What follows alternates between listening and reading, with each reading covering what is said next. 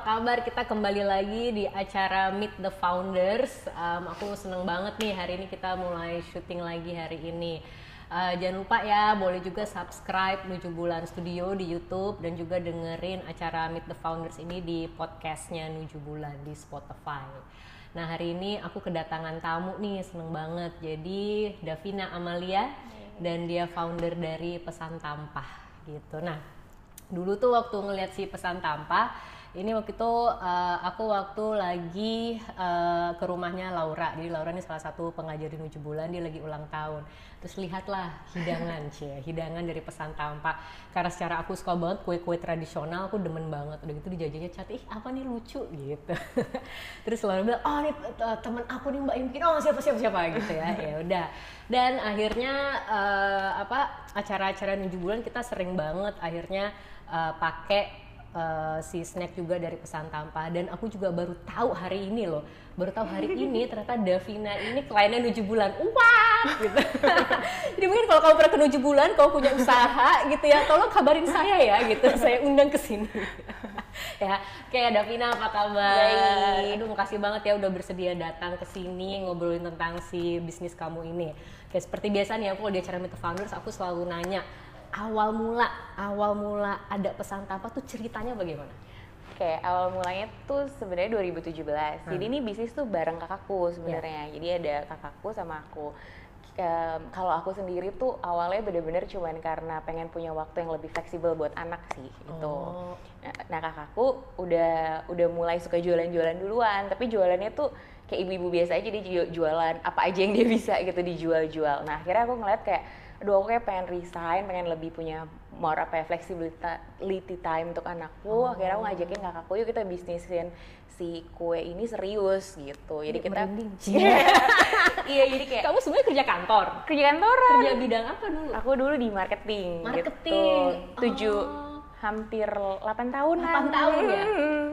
Jadi bener-bener ya kantoran banget. Jadi tuh dulu aku justru pas single tuh nggak pernah kepikiran punya usaha sih. Kayak yeah. pengennya tuh jadi wanita karir gitu yeah, lah. yeah, yeah. sosok ambisius gitu. Terus setelah punya anak deng deng deng deng gitu. Terus kayaknya oh kayaknya aku kurang cocok nih jadi wanita karir gitu. Kayaknya aku hmm. pengen punya waktu yang lebih fleksibel sih. Bukan waktu yang not necessary lebih banyak juga tapi kayak lebih fleksibel bisa aku atur sepenuhnya gitu. Hmm. jadi muncullah si tampah itu. Itu sih sebenarnya. Oh. Terus kenapa kue karena nah jadi kebetulan tuh aku emang suka makan kue kue gitu. oh, suka dan, makan kue. Tapi uh, kamu hobi masak hobi baking iya, gitu nggak? hobi hobi. Jadi kayak nah itu jadi nah jadi hobi masak tapi tuh emang suka makanan Indonesia gitu. Jadi lebih suka makanan Indonesia. Terus ya suka kue-kue jajanan pasar. Dan waktu itu pas tahun 2017 tuh aku ngeradain research kecil lah gitu. Misalnya ngeliat di Instagram, misalnya ngeliat di sosial media, ngeliat yang kue-kue fisik gitu tuh masih dikit banget pemain yang ngebrandingin kue basahnya gitu. Adanya pemain hmm. lama. Hmm main nama kan banyak kayak yang depannya H gitu atau apa ya. Itu apa ya nggak tahu sih. L gitu gitu ya. Okay, terus, M okay, gitu okay. kan ini gitu gitu yang pemain-pemain yang lama yang besar tapi kayak um, masih jarang nih pemain baru. Dan yang fokusnya ke kue-kue tampah yang kue-kue kecil itu tuh kayak nggak ada. Jadi biasanya kan mereka punya kue toko kue terus si kue tampah ini kayak sampingannya lah ya. Kalau yeah. ada yang mau pesan kue tampah yeah. boleh. yeah.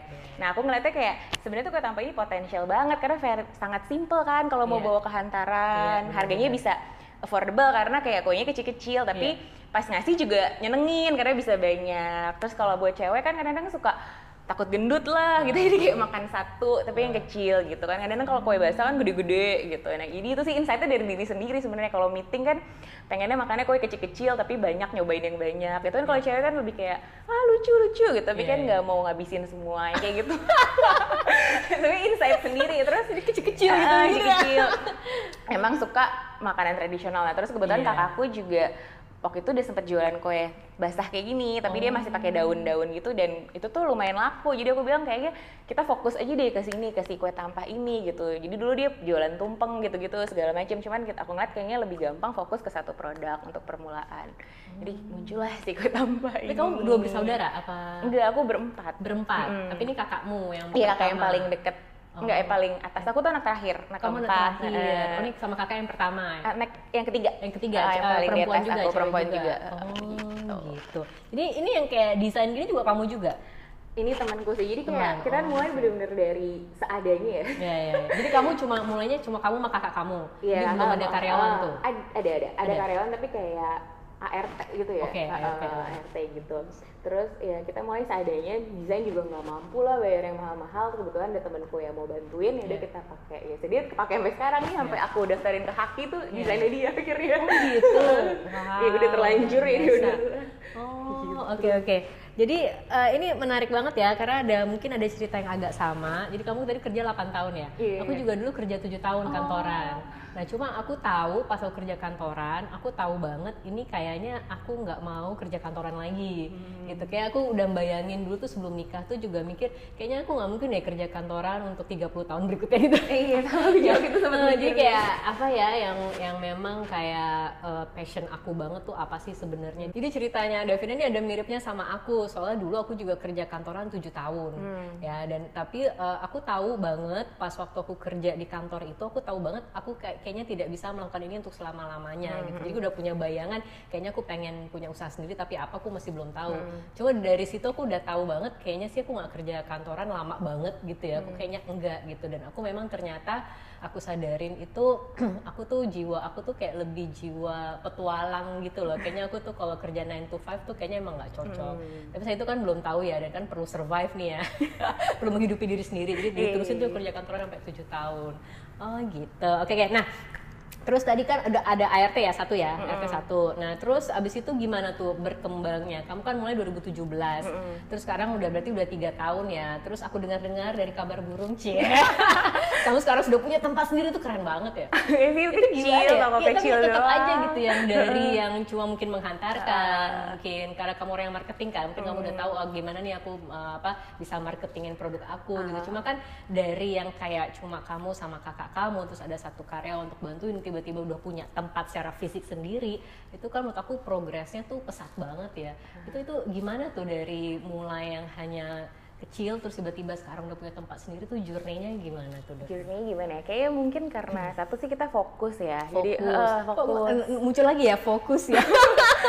oh, ya terus. Jadi fokus karena kan kita jual kue itu doang ya. Jadi Iya, kayak iya, eh, pas, pas awal-awal. Kalau sekarang kita emang ada beberapa ya kayak frozen. Iya. Tapi sebelum orang kenal tampah itu kue tampah, kita bener-bener fokus kue tampah. Jadi kayak orang tuh mungkin lama-lama inget ya, kalau Iya, aku iya. belinya kue Iya. bak tampah tuh tampah. Sampai sekarang udah banyak banget brand yang jualan kue tampah.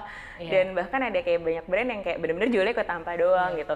Jadi kita seneng aja sih karena marketnya jadi tambah gede juga kan. Itu pertama sih kayak fokus. Yang kedua itu emang mimpi kita sih pengen punya Hmm. toko. Jadi kita kayak Oh. jadi kayak pas dari awal walaupun kita mulainya sangat kecil ya, mulai dari garasi rumah. Rumah Wow, mertua lagi. Garasi rumah. Eh, semua bisnis besar tuh dari garasi Oh, rumah iya. ya. Itu Lagi-lagi kayak Bill Gates, Jim Bill Gates. Steve Jobs. Itu kan Iya. dari garasi rumah Iya, semua. kayak Garasi rumah tapi minjem ini, iya. minjem rumah mertua Minjem karena rumah garasi gue kecil. Iya, terus Jadi kayak minjem rumah garasi mertua, kakakku dari dapurnya dia gitu. Tapi kita selalu pengen kita selalu punya mimpi punya toko gitu. Jadi kayak tahun pertama, eh kita udah bisa belum sih punya toko? Ah ternyata belum bisa nih kayak dari segi cash flow segala macam. Tahun kedua kita cek lagi gitu, kira-kira ini udah bisa nggak ya? Belum gitu. Tapi kita selalu punya goals. Oke tahun ini uh, kita harus nambah karyawan segini tahun depan harus nambah karyawan segini sampai tahun ketiga ini ternyata kayak dari segi sumber daya manusia kita bisa udah bisa produksi supply toko terus juga dari segi cash flow kira kita mampu lah untuk punya toko ini gitu. Akhirnya udah punya toko ini toko ini sebenarnya harusnya bukanya Mei cuman gara-gara koronces Iya, iya. mundur. Oh, Jadi memang berawal dari mimpi ya.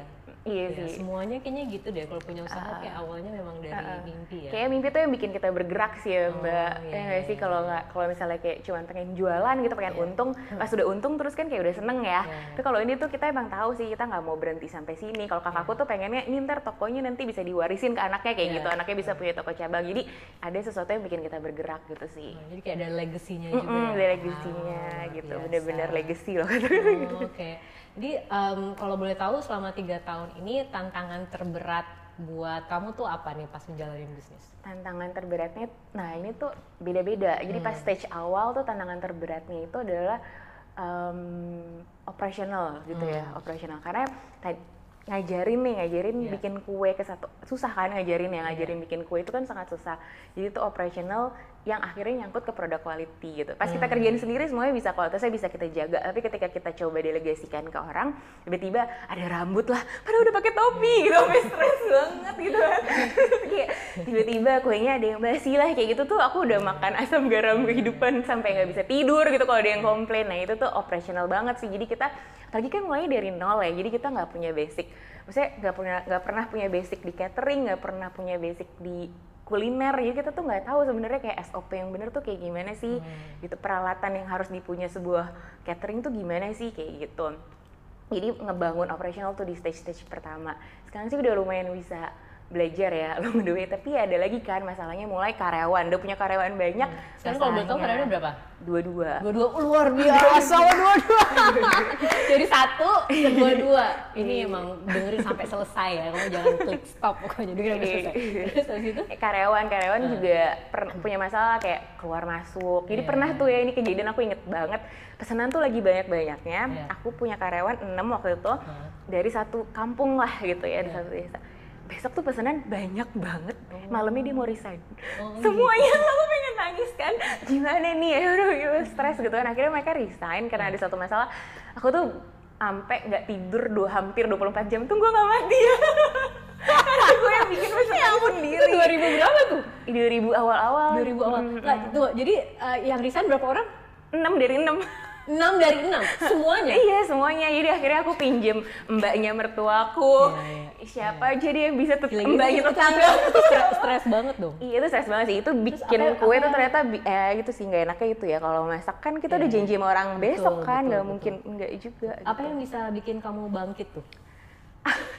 kita apa ya Eh, jadi tuh emang aku tuh emang agak susah menyerah sih gigi jadi Oke, kayak gigih emang gitu ya? gigi ya misalnya agak susah jadi kayak ya paling sedih gitu nangis tapi besoknya kayak balik lagi gitu jadi Iya, kayak iya. tipenya yang nangis habis itu besok nah kakakku juga kakakku lebih cuek jadi kayak Oh. jadi kita emang kayak Melengkapi. Eh, eh, makasih stres nih tapi besoknya kita bangkit lagi cuman apa yang kayak kita bikin kita ngelakuin ini terus tuh karena kita Iya, iya. tujuan awalnya sih mbak karena aku kayaknya nggak ngerasa nggak bisa balik lagi ke corporate Betul, iya. kayaknya aku nggak cocok lagi aja kerja di corporate jadi Iya, kayak iya. kalau nggak ini gue ngerjain apa lagi ya dan emang Hmm. itu tadi sama yang kayak passion ya emang Iya. yang aku suka sih kue masak jadi kayaknya Iya. kalau yang ini aja susah yang lain pasti lebih susah deh Iya, iya, iya. ngerjain bisnis ini aja susah yang lain pasti lebih susah deh gitu jadi kayak ya udahlah coba ini yang bisa gue lakukan jadi ya Iya. kita lakukan saja Oke, terus eh, jadi waktu pas si semua si enam orang ini resign, terus hal pertama yang kamu lakukan tuh langsung nyari yang baru. Apa tadi gimana kamu minta tolong?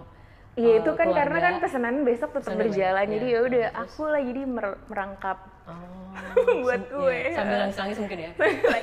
Suamiku juga Oh, mandirin Risa dia tuh sampai inget banget Iya, iya, iya. jadi tuh kayak pas awal-awal tuh uh, pengorbanan itu Iya, banyak iya, banget iya. sih baik dari Iya. keluarga juga jadi kayak suamiku tuh juga pulang kerja capek so aku paksa tolong dong pandirin Iya. risol gitu terus kayak ibu mertuaku juga bantuin ngedadar risol jadi kayak ham- jadi akhirnya semua bisa gitu Itu termasuk berarti udah stres, baper juga ya ya. kali. iya iya stres sih karena Aku capek banget Capek banget. Aku inget banget, uh, aku dulu pernah ngobrol sama teman aku. Aku juga mungkin dulu pernah ngalamin nih sama kayak Davina gitu, ada hal-hal stres gitu ya.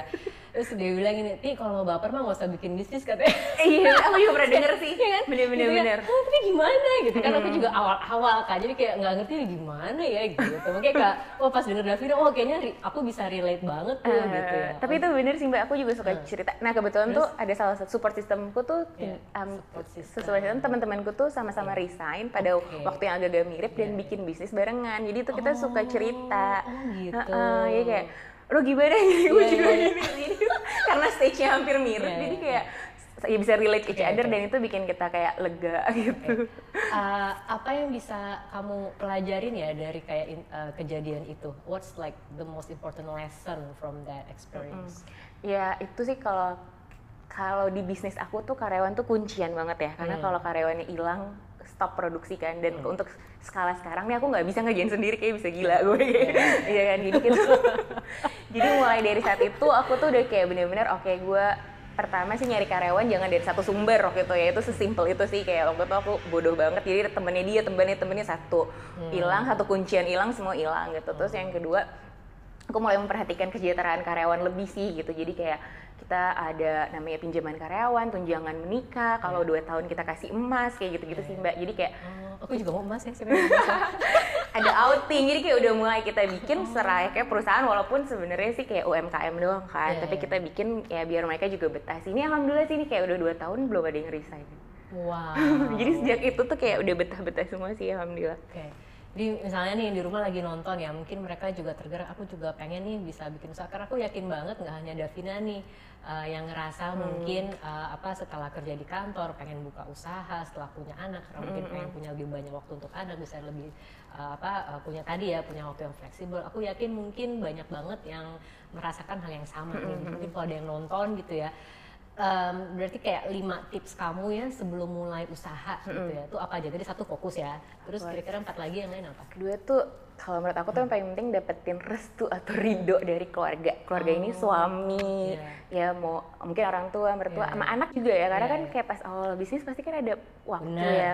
Kita kan benar. pengen punya lebih banyak waktu, tapi pasti awalnya tuh tetep aja sih nggak nggak tetep, tiba-tiba kayak iya. oke lele Iya, gitu iya. kan. Nah, kayaknya ini nggak banyak yang tahu kan. Iya. Karena mungkin yang di sana, Ada pin. "Wah, Gila, pesan papa keren banget ya, lucu wow, udah punya toko. Tapi Ah, gitu. mungkin orang yang di luar nggak melihat kayak tiap harinya gimana Iya, sih, struggle-nya apa nah, sih, ceritanya apa ah, sih. Makanya gitu. kenapa aku salah satu kenapa juga pengen banget bikin Meet the Founders tuh kayak itu tadi kayak I also want to know what's the struggle sih sebenarnya Hmm. gitu dan apa yang sudah dilaluin karena kan ini hal-hal gini yang mungkin nggak banyak orang tahu sebenarnya di balik layar gitu kan banyak yang terjadi loh gitu coba pa- mungkin pada nggak tahu aja gitu kan Iya, iya makanya itu menurut aku tuh restu suami, terutama suami kayaknya ya, itu Hmm. Iya. penting banget sih. Karena kan pas awal-awal, apalagi kalau dengan modal seadanya gitu. Mungkin Iya. kalau 7 bulan tiba-tiba udah punya tim ya. Kalau aku tuh kan enggak ya, nggak Iya. ada tim. Jadi Hmm. Yang ngebalas chat admin aku, Iya. terus yang bikin waktu itu aku, Iya, terus yang ngirim aku gitu. Iya. Cuman, Iya. jadi itu semua dilakukan sendiri. Dan itu kan berarti waktunya kan bener-bener terbuang ya. Jadi betul. jadi itu waktu itu aku sampai mikir, ini kok aku jadi pengen punya banyak waktu mau bisnis, tapi kok setelah resign malah aku kayak hampir nggak ada waktu sama sekali gitu. Sempet kayak gitu juga sih, sempet kayak, ah gila untuk dapetin seratus ribu itu susah banget. Kayak, Iya, iya. iya sempet juga sih kayak gajian enak ya gitu. Kayak tapi ini kayak mau dapetin dua ribu aja kayak Iya, gue perjalanannya panjang gitu mesti ke pasar sendiri segala macam.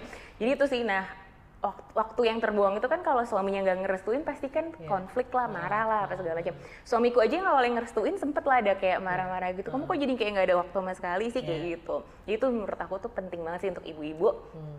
Terutama yang mulai dengan seadanya ya tim seadanya modal seadanya itu pasti ada pengorbanan lah ya fisik dan waktu. Jadi kayak itu harus disetujui dulu lah. Itu penting banget sih menurut aku.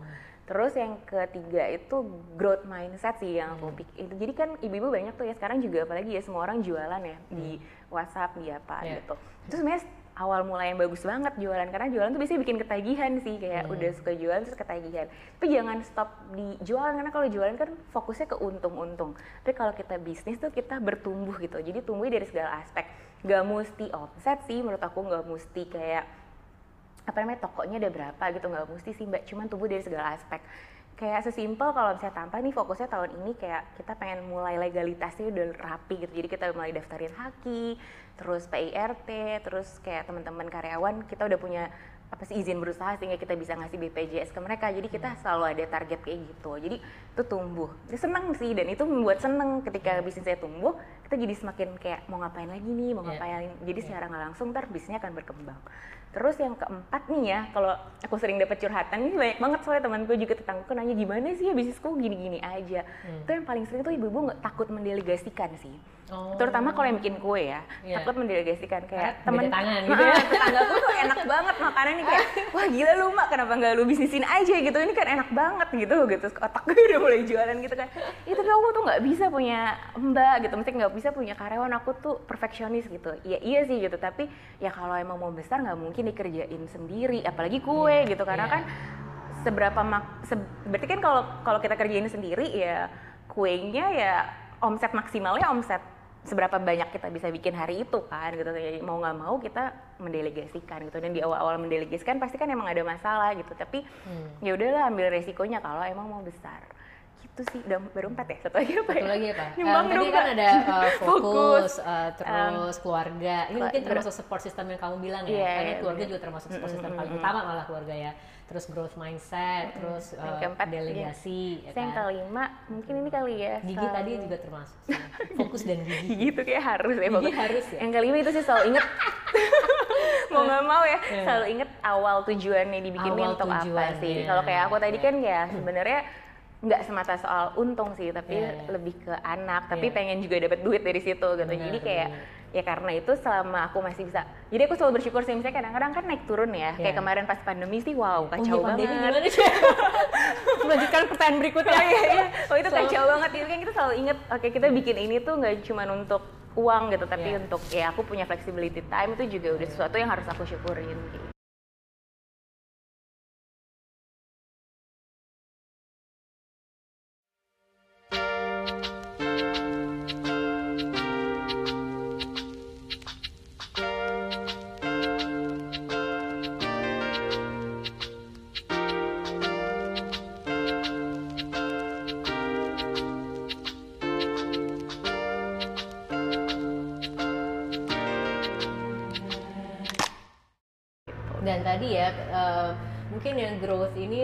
Juga sangat menarik dan juga bisa sangat diterapkan karena eh, ketika kayak bikin usaha si growth itu sebenarnya penting banget karena ternyata nggak hanya tim kita yang grow, nggak hanya bisnisnya kita grow, tapi kita juga secara personally kita tuh bertumbuh Bener, banget bener, sih? bener. Iya, iya, Ya kan? iya. Mungkin dengan tantangan yang dihadapin, terus kita mungkin harus kreatif atau mungkin Terpaksa kayak kreatif. Nah, harus gigi gitu Iya, misalnya iya. harus fokus itu kan berarti kitanya sendiri tuh sangat sangat bertumbuh ya bener bener sebenarnya. bener. iya iya wow ini ini menarik sekali nih kayak dari lima itu kayaknya aku susah gigi kali ya Masa sih nggak mungkin? eh, eh, sama, sama fokus ya Cie, di sini ada penonton ya kan aku susah banget fokus gitu kadang karena pikirannya burita gitu ke mana-mana ke mana-mana jadi kadang susah untuk fokus. Tapi cewek kan emang gitu ya karena pikiran kita kan kayak kebiasaan Mungkin kali ya, multitasking ya. iya, iya. Jadi, eh, Eh, gue juga sih sehari-hari iya. juga tetap aja struggle untuk fokus.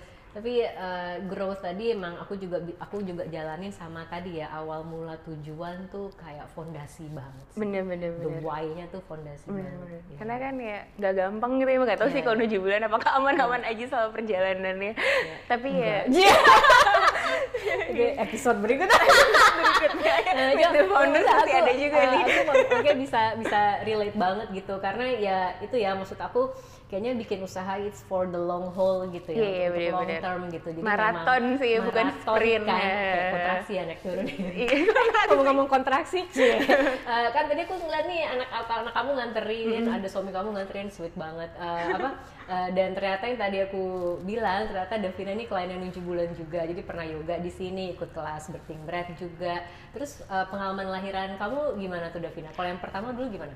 Kalau yang pertama itu ah, aku tuh aku tuh nggak siap banget sih sebenarnya yang Oke. pertama. Jadi kayak dulu kan belum ada yang pertama tuh kayak belum ada tujuh bulan tuh. Jadi aku berterima kasih ada tujuh bulan.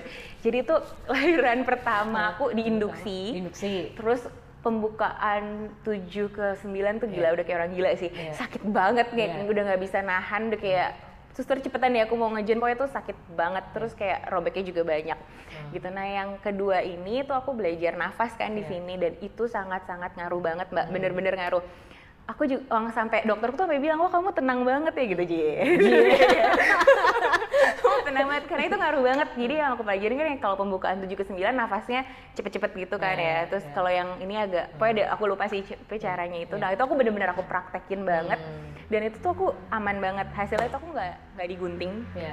Nggak digunting jadi aku bah jadi robeknya dikit banget jadi kayak nggak digunting juga. Terus bener-bener nyaman banget sampai si suster dokter tuh kayak bilang kayak kok kamu tenang banget sih bisa senyum-senyum? Gitu. Padahal aku cuma bayar seratus ribu. Untuk ikutan kelas nafas murah banget. Ya. Terus em, eh, kan eh, aku selalu selalu nih selalu mendengar kalau pengalaman ibu gitu ya setelah melahirkan tuh kayak ngubah ngubah kehidupan banget termasuk aku ya. Kalau buat Davina gimana? Apa yang kayak setelah menjadi ibu apa sih yang paling berubah dari dari diri kamu setelah menjadi ibu? Eh, tapi apa ya yang paling kerasa hilang tuh kan kayak kebebasan kebebasan ya. kebebasan karena semua diintilin terus yeah, kan kayak yeah, tadi yeah. aja nih nggak mau pulang yeah. kan yeah, yeah. bikin umet jadi itu apakah itu termasuk tantangan terberat kamu nggak pas tantangan jadi, hmm. tantangan tantangan terberat nah Uh, kebetulan tuh aku juga yang nggak bisa juga sih jadi sebenarnya mungkin harusnya kan di rumah gitu sama yeah. dia gitu yang 100% nah kebetulan tuh aku juga nggak bisa kayak gitu gitu hmm. aku men sempat mencoba kayak gitu sih cuman itu bikin aku stres banget ternyata kayak terus-terusan sama dia juga kayak yeah. stres gitu jadi kayak makanya kayaknya walaupun resign aku nyari jalan tengahnya lah punya bisnis ini gitu biar ada kerjaan juga di luar sana gitu jadi tapi yang perubahan balik lagi ke pertanyaannya perubahan paling besar sih ke prioritas hidup ya jadi hmm. kalau dulu tuh sebelum punya anak ya ya udah penting aku maunya apa kalau hmm. sekarang semuanya dipikirin juga gitu ini yang terbaik buat dia tuh gimana kayak gitu hmm. jadi si uh, habis melahirkan itu maksudnya habis nikah kamu langsung hamil abis nikah iya sih uh, langsung hamil, hamil. terus uh, kamu melahirkan terus Masih langsung kerja. ada pesentapan atau kayak beberapa tahun kemudian? Kerja dulu setahun. oh, kerja dulu setahun. Uh, anakku itu berat kan ya abis lahiran nah, terus balik iya, kantor bener. lagi gitu ya? Uh, berat. Kamu uh, nyusuin mompa-mompa juga nyusuin nyusuin. Tapi okay. yang, yang pertama tuh aku kayak gagal gitu sih kayak cuma sampai enam sampai tujuh bulan gitu. Nggak ada kata gagal. Eh nggak sih? Konon konon, konon. ya sih bukan gitu terus ya ya itu susah sih nah di situ makanya hmm. tuh kayak semakin aduh kayaknya emang nggak cocok nih gue gitu karena yeah. di satu sisi tuh aku sangat family girl gitu emang yeah. yang kayak suka sama anak juga gitu kan yeah. jadi suka ngurus tapi di satu sisi tuh aku pengen kerja juga gitu jadi tuh selalu dilema gitu yeah. di rumah doang juga aku nggak bisa tapi kayak kerja tuh aku juga kepikiran rumah nah di situ sih yang membuat itu dilema jadi sebenarnya nggak ada yang salah waktu itu sama kerjaan aku aku suka banget sama kerjaanku hmm. cuman ya karena udah beda aja ya karena udah nikah udah punya anak jadi kayak kepecah gitu kalau lagi kerja nih udah jam 4 tuh gue udah pengen pulang gitu ya, tapi kerjaan belum selesai gitu jadi itu sih yang makin mendorong aku untuk ya dia aku resign aja bikin bisnis biar aku bisa ngatur waktuku gitu. Yeah. Uh, karena mungkin salah satu juga tantangan sebagai ibu ya ketika punya usaha kita ya memang kayak untuk seimbang antara keluarga rumah dan kerjaan dan bisnis ini kan cukup cukup susah, ya. susah ya untuk menyeimbangkan. Hmm. Uh, tapi mungkin uh, apa tantangan kita mungkin tidak terlalu dialamin oleh ayah mungkin ya. iya benar-benar. Ya kan. Jadi ini yang juga juga cukup cukup bikin menantang karena di satu sisi kita mungkin ngerasa bersalah nih kalau aku kerja hmm. gitu kan. Cuma kita mungkin passionnya juga di pekerjaan hmm. gitu kan. Jadi ini yang menurut aku akan selalu ada sih dilema atau tantangan atau gimana menyeimbangkan biar hmm. selalu bisa jalannya bisa seimbang gitu ya ya nggak sih kalau menurut kamu gitu nggak ada iya benar sampai ya. sekarang pun susah sih. Jadi setelah resign pun ya itu tadi kan pas awal-awal juga wah ternyata waktunya kok malah tersita banyak yeah. gitu. Jadi ya selalu tantangan sih sekarang juga kayak gitu sih. Cuman ya enak apa ya hmm, privilege kalau punya bisnis sendiri kan kita yang ngatur ya. Misalnya yeah. kayak banyak juga temanku yang bilang kayak teman-teman kantorku kok tanpa gitu-gitu aja sih? Gitu. Misalnya kayak maksudnya gitu ngomongnya Iya maksudnya nggak bener sama cowok aja Iya maksudnya kan gak, gak, gak punya ini gak punya soalnya oh. gini aja tuh waktu gue tuh udah udah lumayan iya, banyak dan gue kayak nggak mau lebih banyak dan lagi ngomong itu kayaknya nggak gitu. nggak ngeliat perjuangan kamu gitu ya. cowok soalnya ngomong oh cowok oke oke ini kayak maksudnya gue ini emang ya maksudnya kalau gue lebih lebih ini kan maksudnya kayak waktu buat anak gue gimana gitu yeah. jadi kayak yang bisa mungkin gue kerjain lebih dari ini cuman yeah. tapi kan gue juga ada prioritas lain gitu sih nah itu kan enaknya bisnis sebenarnya ya enaknya hmm. kamu bisa ngatur gitu hmm. mau segimana seberapa waktu yang kamu spend ya walaupun hasilnya juga seimbang ya. hmm. ya mungkin kalau kita kerja 12 jam untuk tampah. Yeah. mungkin tampah udah punya pabrik gitu misalnya ya. Tapi kan aku kerjain. Cuma tiga jam. Oh, oke. Okay. gitu. terus uh, dulu kayak waktu kecil remaja kuliah gitu punya bayangan memang punya usaha nggak? Dulu kayak masa kecil kamu gimana sih dulu nggak nggak punya usaha. Nggak sih nggak ada bayangan punya usaha. Kamu jadi kecil tuh, besarnya di sini apa mungkin di sini, di sini di sini. okay. di sini. Jadi aku tuh anak keempat dari empat bersaudara which unexpected. Jadi kayak oh. ibuku tuh umur 38 udah dibilang mau nepos dini. Gak mens 2 tahun. Oh gitu? Iya tiba-tiba umur 40 hamil hati-hati ya. 38 tahun saya cek. Terus tiba-tiba? Hamil pusing-pusing gitu terus ke dokter hamil stres dong gila. Dokter gimana sih sampai dia marah-marah sama dokternya? Gak gara-gara dokter nih gitu. Gara-gara dokter. Dokternya sampai kayak nasehatin tadi udah mau digugurin kata dokternya nggak bisa gitu nih kan di luar kuasa ini kayak Allah gitu akhirnya ya di, dibiarkan hidup biarkan hidup jadi ibu kamu cerita seperti ini cerita gitu? jadi ya udah Oke, nggak jadi emang uh, awalnya tuh kayak uh, ibu kamu eh, nggak siap dan mau menggugurkan gitu. Iya, iya, oh, tapi akhirnya diterusin. Ya, terusin karena nggak boleh sama dokternya. Nah itu tuh membuat aku kan jaraknya jauh banget nih sama Iya, kakak aku iya, gitu lah. iya. Bedanya 13 tahun nih main ketiga gitu. Nah itu jadi- What? 13 Iya. tahun? itu itu tuh nggak bikin aku pengen punya bisnis sih nggak ada hubungannya. Cuman yang ada hubungannya tuh adalah aku tuh ngerasa masa kecil tuh agak sepi ya karena kayak nggak ada teman sepermainan. Sepupuku juga umurnya sekakak kakakku gitu Iya, kan tetangga iya, tuh waktu itu juga kebetulan biasanya kan satu komplek umurnya mirip-mirip ya. Iya, iya, iya. jadi kak, seumuran kakak-kakakku semua jadi kayak nggak punya temen selain di sekolah gitu kan. Jadi agak kesepian nah makanya aku tuh kayak pengen anakku tuh jangan sampai dia kesepian gitu ya. Kayak pengen ada kehadiran eh seenggaknya ada ada gue gitu yang bisa bikin rame. Nah kebetulan ibuku juga kerja kan waktu Hmm. itu jadi kayak ya aku pengen itu nggak pulang lagi aja sih biar nggak terlalu sepi Karena, eh, jadi kayak gitu Hmm. Oke. mungkin itu ya Terus, eh, cara SMP. SMP SMA di mana? di Jakarta juga sih Jakarta juga. eh, Oh, Oke, terus kuliah juga kuliah Jakarta. di Depok eh. Di Depok UI. Heeh. Oh, itu juga ngambil kayak marketing. Ngambil finance sih waktu Finance. itu Oh, sama? di UI juga Eh bukan, aku nggak pintar, aku ngambil finance juga. Kayak tiba-tiba ngajar yoga, jadi Childbirth Educator. iya tuh ngambil finance nyambung. juga ya karena nggak tahu mau ngambil apa gitu kasian banget gitu sih Oke oke. Nah, eh, kan eh, terus kalau kalau eh, tapi kalau bapak bapak ibu kamu nggak punya usaha? Enggak, nah makanya aku tuh dari dulu nggak pernah kepikiran punya usaha karena bapak Iya. ibu kerja, terus keluarga yang lain juga kerja kerja kerja, jadi kayak Iya. pas kuliah ditanya ya mau kerja gitu, apalagi kayak ibuku tuh bilang kayak abis lulus ibu pokoknya nggak bisa ngasih duit lagi. Ah gitu kan, jadi kayak pokoknya harus kerja gitu kan, jadi kayak ini jadi kerja gitu kan, kerja kerja kerja, jadi kayak nggak pernah punya pikiran kayak punya bisnis tuh nggak pernah gitu, cuman pas kalau dulu kan ibu bekerja aku ngeliatin sih kenapa dulu kayak ibuku aku juga nggak masih fine fine aja sih ibu kerja karena kan dulu nggak ada macet jadi Hmm. ibu juga pulang kayak jam 4 sore juga udah di rumah gitu tapi Iya. kalau sekarang kan susah banget ya mau pulang Susah. jam 4 juga nyampe Iya, sini lagi Ditaruh rumah iya Oke. Pulang Terus tadi jam kau bilang 7. 22 itu itu banyak loh ya. Banyak loh karyawan timnya.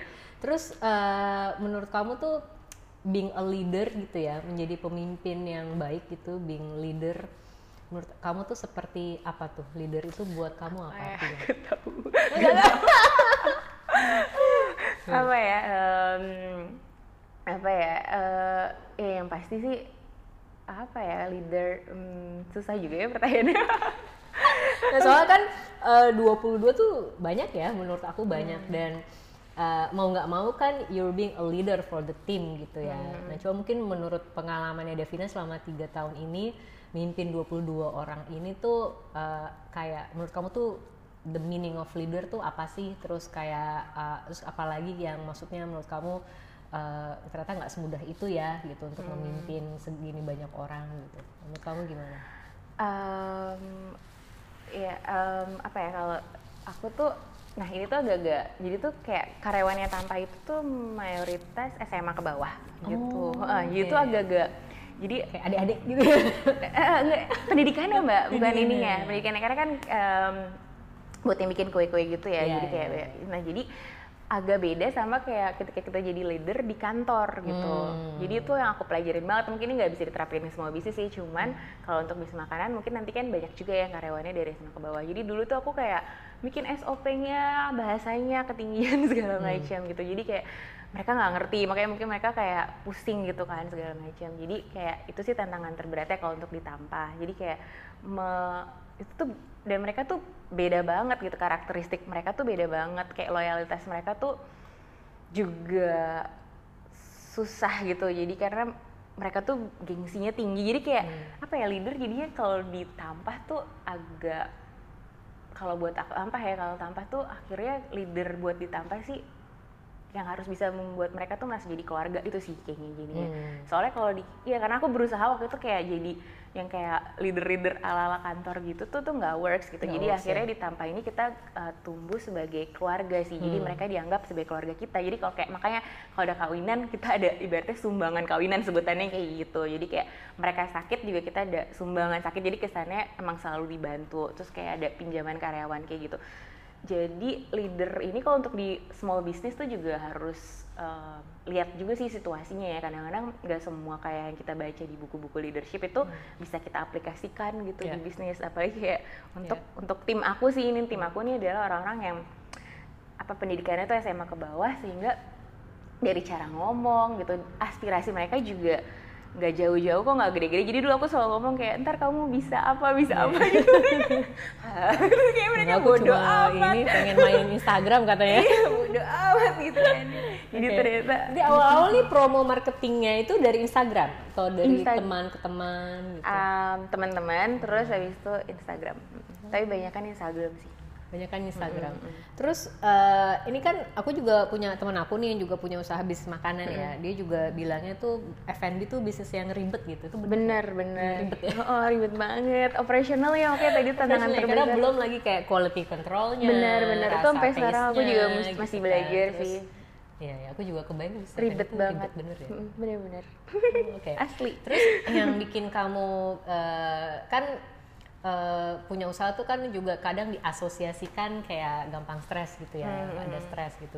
Apa yang biasanya kamu lakukan untuk melepas stres? olahraga ya akhir-akhir ini sih olahraga kalau Olahraganya apa sekarang? sekarang aku aku tuh follow olahraganya ya Hmm, terus? Em, kayak hit hit gitu sih Oh, suka kamu suka high intense. High kan- intense training. biar keluar Ya, keluar ya bersama keringat Oke. Kayak Oke, gitu. Selain eh, olahraga apa lagi? apa lagi ya? Em, tidur sih kalau mau. Tidur. tidur gitu terus mandi pijet simple itu sih untungnya gampang Pijit emang enak sih. ya. murah tapi sekarang nggak bisa pijet ya gimana dong Itu ngomong pandemi, buat pengaruhnya besar nggak buat tampah? Awalnya iya Awalnya iya? parah sih jadi kan kita ada ada catering service juga ya kita Iya. ada snack corner gitu jadi kalau Oke. misalnya kawinan kita bawa Iya. peralatan kita sediain kayak gitu coffee break gitu ya pernah juga di tujuh bulan ya Iya. Nah waktu itu kebetulan kan mau puasa, Hmm. jadi sebenarnya tuh udah banyak Iya. banget yang deal Yes. buat halal bihalal sebelum puasa Iya. ketampah gitu. Tiba-tiba jeng jeng jeng jeng Jokowi mengumumkan gitu ya. Nah itu udah mulai tuh ada yang cancel cancel.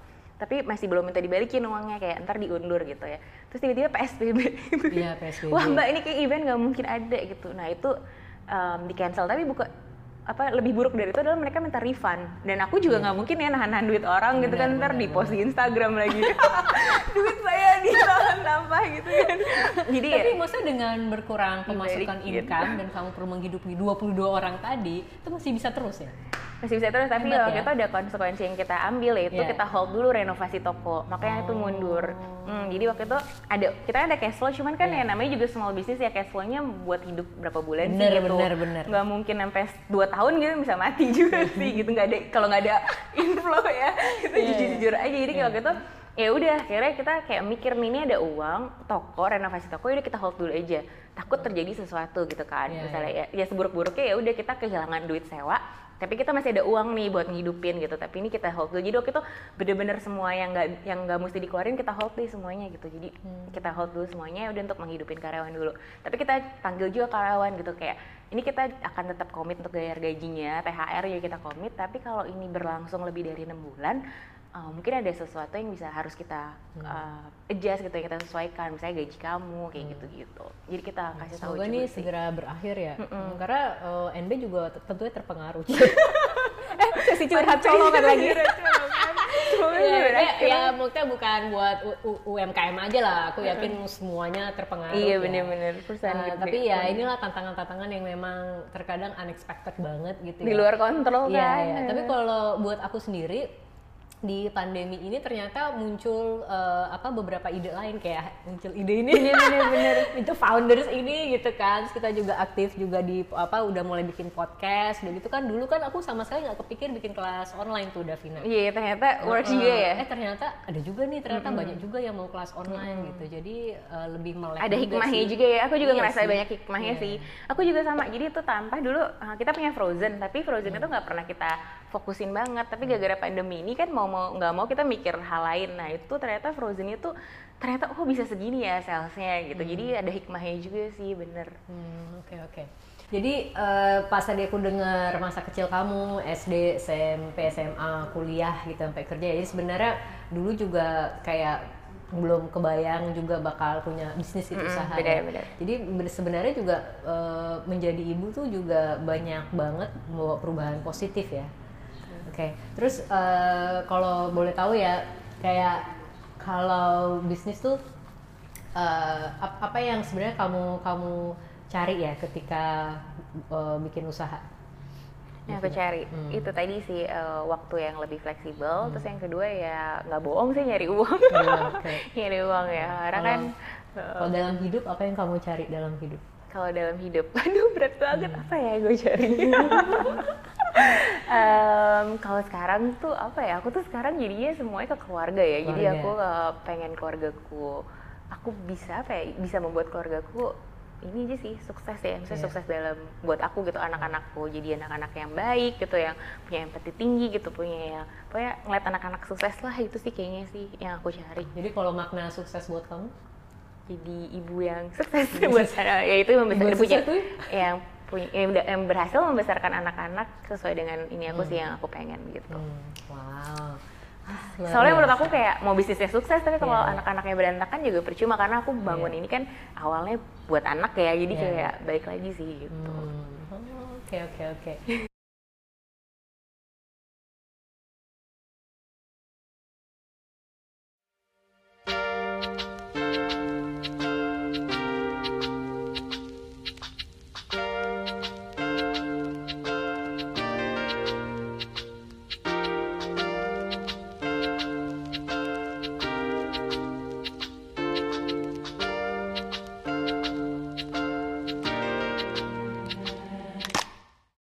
Gimana selama ini sekolah online? aduh itu pusing banget Pusing banget ya. Aduh, ya aku juga sih. Awal-awal sih kayak gila banget ya karena kan sekolahnya juga belum terlalu siap ya Iya. terus kita juga belum siap Em, tapi itu struggle banget sih karena apalagi kalau tampah ini kan lagi punya toko kan jadi Hmm. saya pagi-pagi tuh aku pengennya di situ tapi sekarang nggak bisa Iya. ya karena mesti nemenin anak jadi bener-bener menguras emosi sih Tapi kan sekarang udah bulan Agustus nih, udah mulai naik lagi belum salesnya?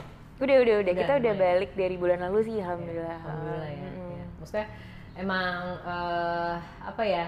Ini emang pengennya juga segera berakhir pandeminya gitu. Cuma cuma ini ya makanya eh, ternyata memang ada beberapa hikmah juga sih yang bisa diambil sih selama Iya, benar. pandemi ini yang Mm-mm. mungkin ini kayaknya juga kejadian pandemi ini kan juga pasti jarang banget ya.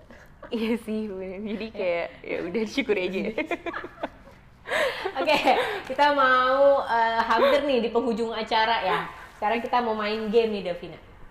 Main game. Nah, gamenya adalah kamu harus jawabnya cepat nggak boleh mikir. oke oke takut gue Ya, eh mana ya? Ada kertas gak? Ini kertas-kertas nggak jelas. Oke, wait. Oke, dah siap? Mhm. Oke, Bali atau Jogja? Bali Sate ayam, sate kambing. ayam Oh, ayam. Lebih suka cuci piring atau nyetrika? cipiring Ih, kok sama sih? pasti nggak bisa gue nyetrika asli nggak nggak rapi-rapi Oke, milih sapi apa kambing? sapi Sapi. Eh, kamu punya binatang piaraan nggak sih? nggak nggak suka Gak suka ya? Kamu nggak- nggak suka binatang piaraan? nggak Orang kesukaan kamu aku nggak suka aku dulu suka binatang peliharaan cuman uh, aku tuh dulu punya anjing sama burung terus dia mati kan Hmm. aku nggak suka kematian gitu loh kayak Oh. kayak "Ya udahlah sedih gitu loh ntar dia mati dia sakit kayak udah terlalu banyak kayak mesti disedihin Wah, gitu ya. Warna kesukaan kamu apa? hitam Hitam. Tiga hal yang kamu suka dari diri kamu. aduh apa ya Em, aduh apa ya Eh itu tadi ya gigi, eh, nggak mudah nyerah sama aja ya terus cuek cuek jadi kadang-kadang Cuek cuek, itu perlu ya cuek itu perlu Cuek kadang-kadang tuh kayak, maksudnya apa tuh cuek? cuek tuh Nggak eh, mikirin apa yang orang lain ngomongin. iya kadang-kadang gitu Oke. ya Eh, terus yang gampang move on Waduh, ini harus belajar nih, saudara-saudara gampang move on. Nanti ya abis kamera off, kita belajar gampang move on gimana? Oke, asin apa manis? asin Asin, mawar atau melati? Mawar deh Mawar, uh romantis. Oke, kalau aku tanya filosofi hidup kamu apa tuh? aduh susah amat sih pertanyaannya gue tuh anaknya nggak berfilosofi nih Oke, um, what do you believe in this life? Apa yang kamu percaya dan ah. yakin dalam hidup ini? aku tuh percaya kayak apa yang aku tua itu pasti itu yang aku tanam apa itu yang aku panenin gitu lah ibaratnya ya gitu Iya. itu tuh aku percaya banget sih bah- di bisnis juga menurut aku kayak gitu jadi kayak kalau kita prosesnya bener pasti hasilnya bagus dan itu kayaknya udah terbukti sih misalnya di hidup aku Iya. gitu jadi Dan- itu aja sih peganganku Dan ini tuh ancient wisdom banget loh. Jadi nggak hanya hari ini ya, eh, apa wisdom ribuan tahun lalu itu juga sama apa yang kamu tabur itu Hmm. Itu yang kamu tuai. tuai, Apa kebalik. yang kamu sih itu yang kamu iya iya benar apa you reap what you you reap what you sow. Itu uh. emang ancient wisdom banget gitu dan dan itu mengingatkan aku juga untuk hari ini. Oke, um, Davina, tadi kamu bilang tuh kalau kamu orang yang gampang move on. Wah, what aku pikir wah gue harus belajar dari Davina. Oke pengalaman kamu uh, apa sih biasanya yang bisa kamu lakukan biar gampang move on tuh kayak gimana sih? Oke okay, yang pertama tuh kalau aku tuh lupakan dulu aja bentar. Jadi kayak misalnya kalau lagi ada masalah nih yeah. aku tuh biasanya ya kalau nggak yaudah deh ini masalah nih. Kalau nggak urgent-urgent banget tuh desain udah aku diemin dulu aja. Uh. jadi aku take time dulu aja aku release dulu. Aku biasanya pijat terus yeah. kayak tidur. Gue sesimpel itu sih tidur. Atau enggak kayak ya udah ngapain aja deh leleh gitu makan enak atau apa gitu. Tuh dulu hmm. deh ntar kalau udah agak dingin udah agak karena kalau lagi leda baru aku lihat lagi tuh masalahnya apa.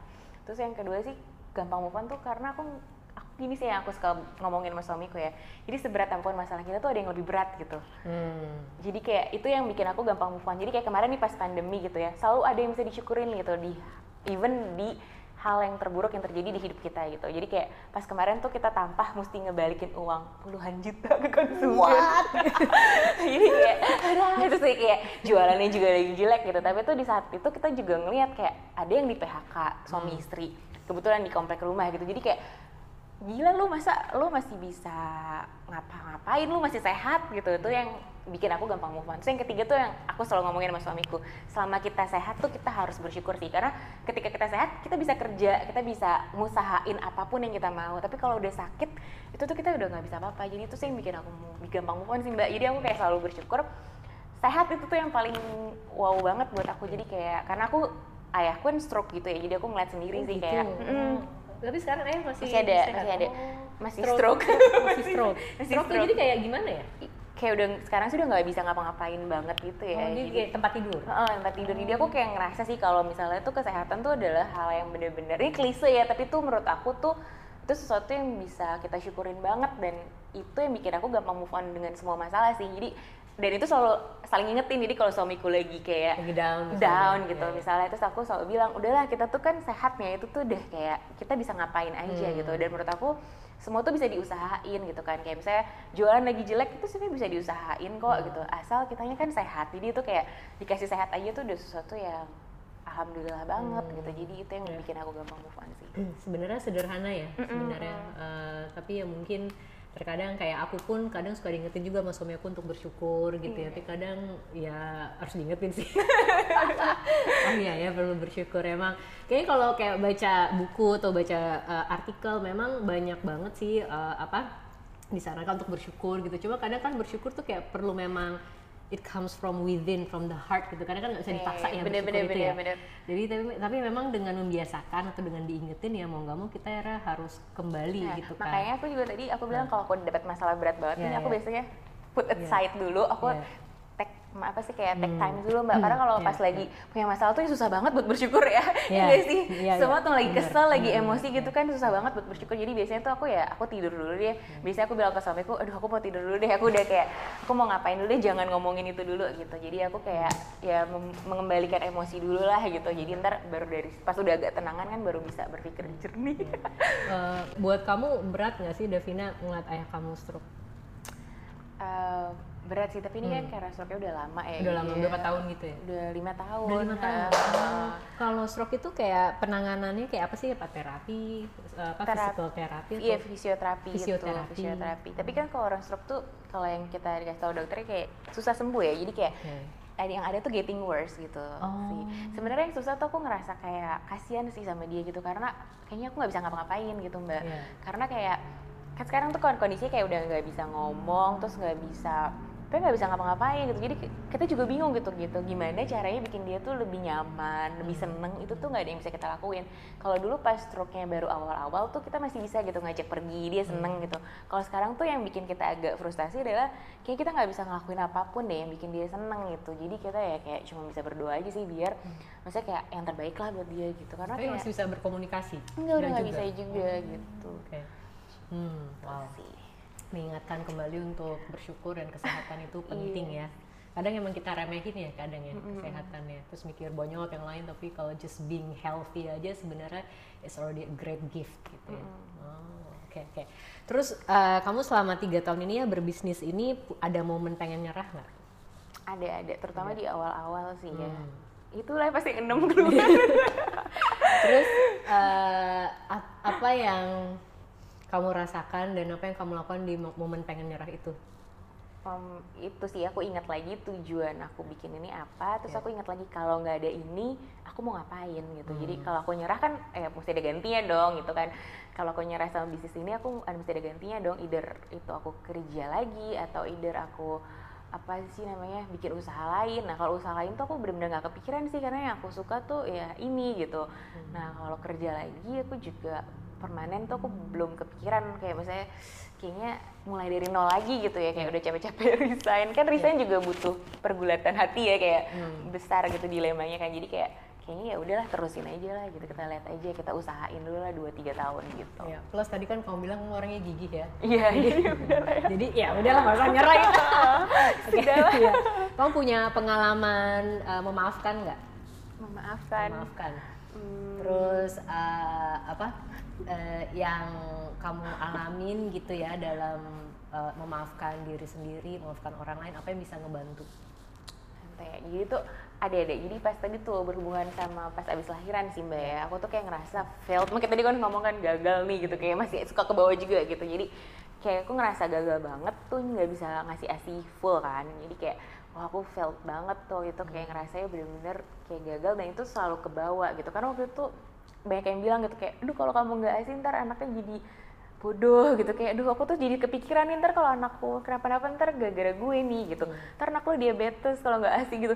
Aduh gila jadi kalau dia diabetes tuh gara-gara gue. Jadi kayak sedangkan waktu itu ibu baru kan pasti pengen ngasih yang terbaik ya buat anaknya. Nah itu tuh kebawa sih. Jadi kayak dikit-dikit jadi sedih dikit-dikit jadi nangis. Karena kayak duh ntar anakku kenapa ya? gitu-gitu. Sampai suamiku udah sih tenang aja tuh. Padahal aku sendiri bukan anak asi gitu. Ibuku dulu sufor karena dia udah tua banget ya. Jadi jadi sufor Terus kamu dia suamiku suka bilang "Uh, kamu aja baik-baik aja kan? gitu. Terus kayak ya udah deh gitu. Udah, jadi kayak itu. Nah aku juga bersyukur tuh ikut kelasnya Astra waktu itu. Jadi kayak uh, di situ aku juga belajar kayak untuk memaafkan diri sendiri lah gitu ya. Dan itu mungkin nah aku gampang move on tuh kalau masalah tapi yang itu agak berat tuh. Jadi kayak aku Iya. terhantui. Nah pas hamil kedua itu mulai terhantui lagi lah kayak perasaan aduh ntar gue gagal lagi kayak gitu gitu tuh mulai terhantui. Makanya aku ikutan kelas 7 bulan yang postpartum apa ya waktu itu namanya ya? Ada kelas ya. Terus ya, ya itu, hmm. nah itu aku ngerasa ya itu aku belajar lah gitu gimana caranya aku memaafkan diri aku sendiri dan move on sebagai ibu which is ternyata lebih susah ya daripada move on dari masalah bisnis. Nyangkut ya nyangkut. nyangkut itu emosional. Itu cukup cukup lama tuh ya eh, apa Lama, eh, lama. yang dari eh, berusaha menyusui ya kan? Itu Aha. cukup cukup lama ya ininya ya. lama. Jadi kayak sempet hilang. Nah pas hamil kedua itu aku kayak inget lagi inget, inget lagi. Inget lagi Kayak, gitu kayak eh, mungkin ada ketakutan terulang eh, gitu. ketakutan terulang gitu. Tapi Res gimana pas pengalaman yang kedua? Berhasil nyusin sampai sekarang gitu. Luar biasa. Wah, thank you so much ya Davina. Sama-sama. Terima kasih. Oke, semoga kalian bisa menikmati nih acara Meet the Founders.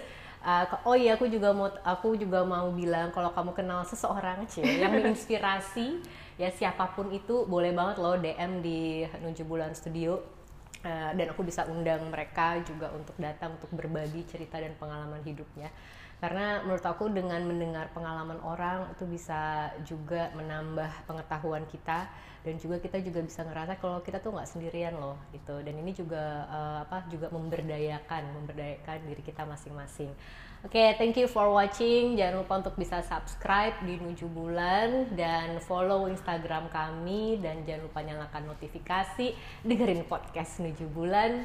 Eh, sampai berjumpa. Dadah. Oh iya nih ya pesan tanpa sih. Eh, eh, ini maksudnya bukan maksudnya aku endorse promosi ya, tapi ini emang beneran enak sih ya makanya kita udah langganan 2 tahun, Bay. Terus suka minta diskon dong diskon Cie. tapi eh, ini enak sih menurut aku nih enak. Kalian kalau belum nyoba coba deh pesan tanpa. Ini contohnya nih. Contoh kue dari pesan tanpa. Ya, kalau favorit aku lemper, sama ini aku suka banget juga nih. Ini apa namanya? brownies red velvet Ya, sama pastel. Emang aku emang ini banget tradisional banget.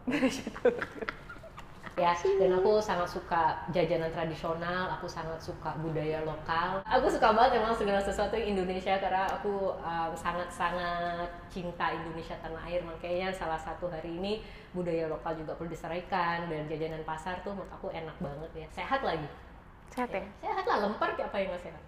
Enak, lemper karbo sehat. tapi nggak apa-apa sehat sehat sehat. ya udah, thank you, dadah.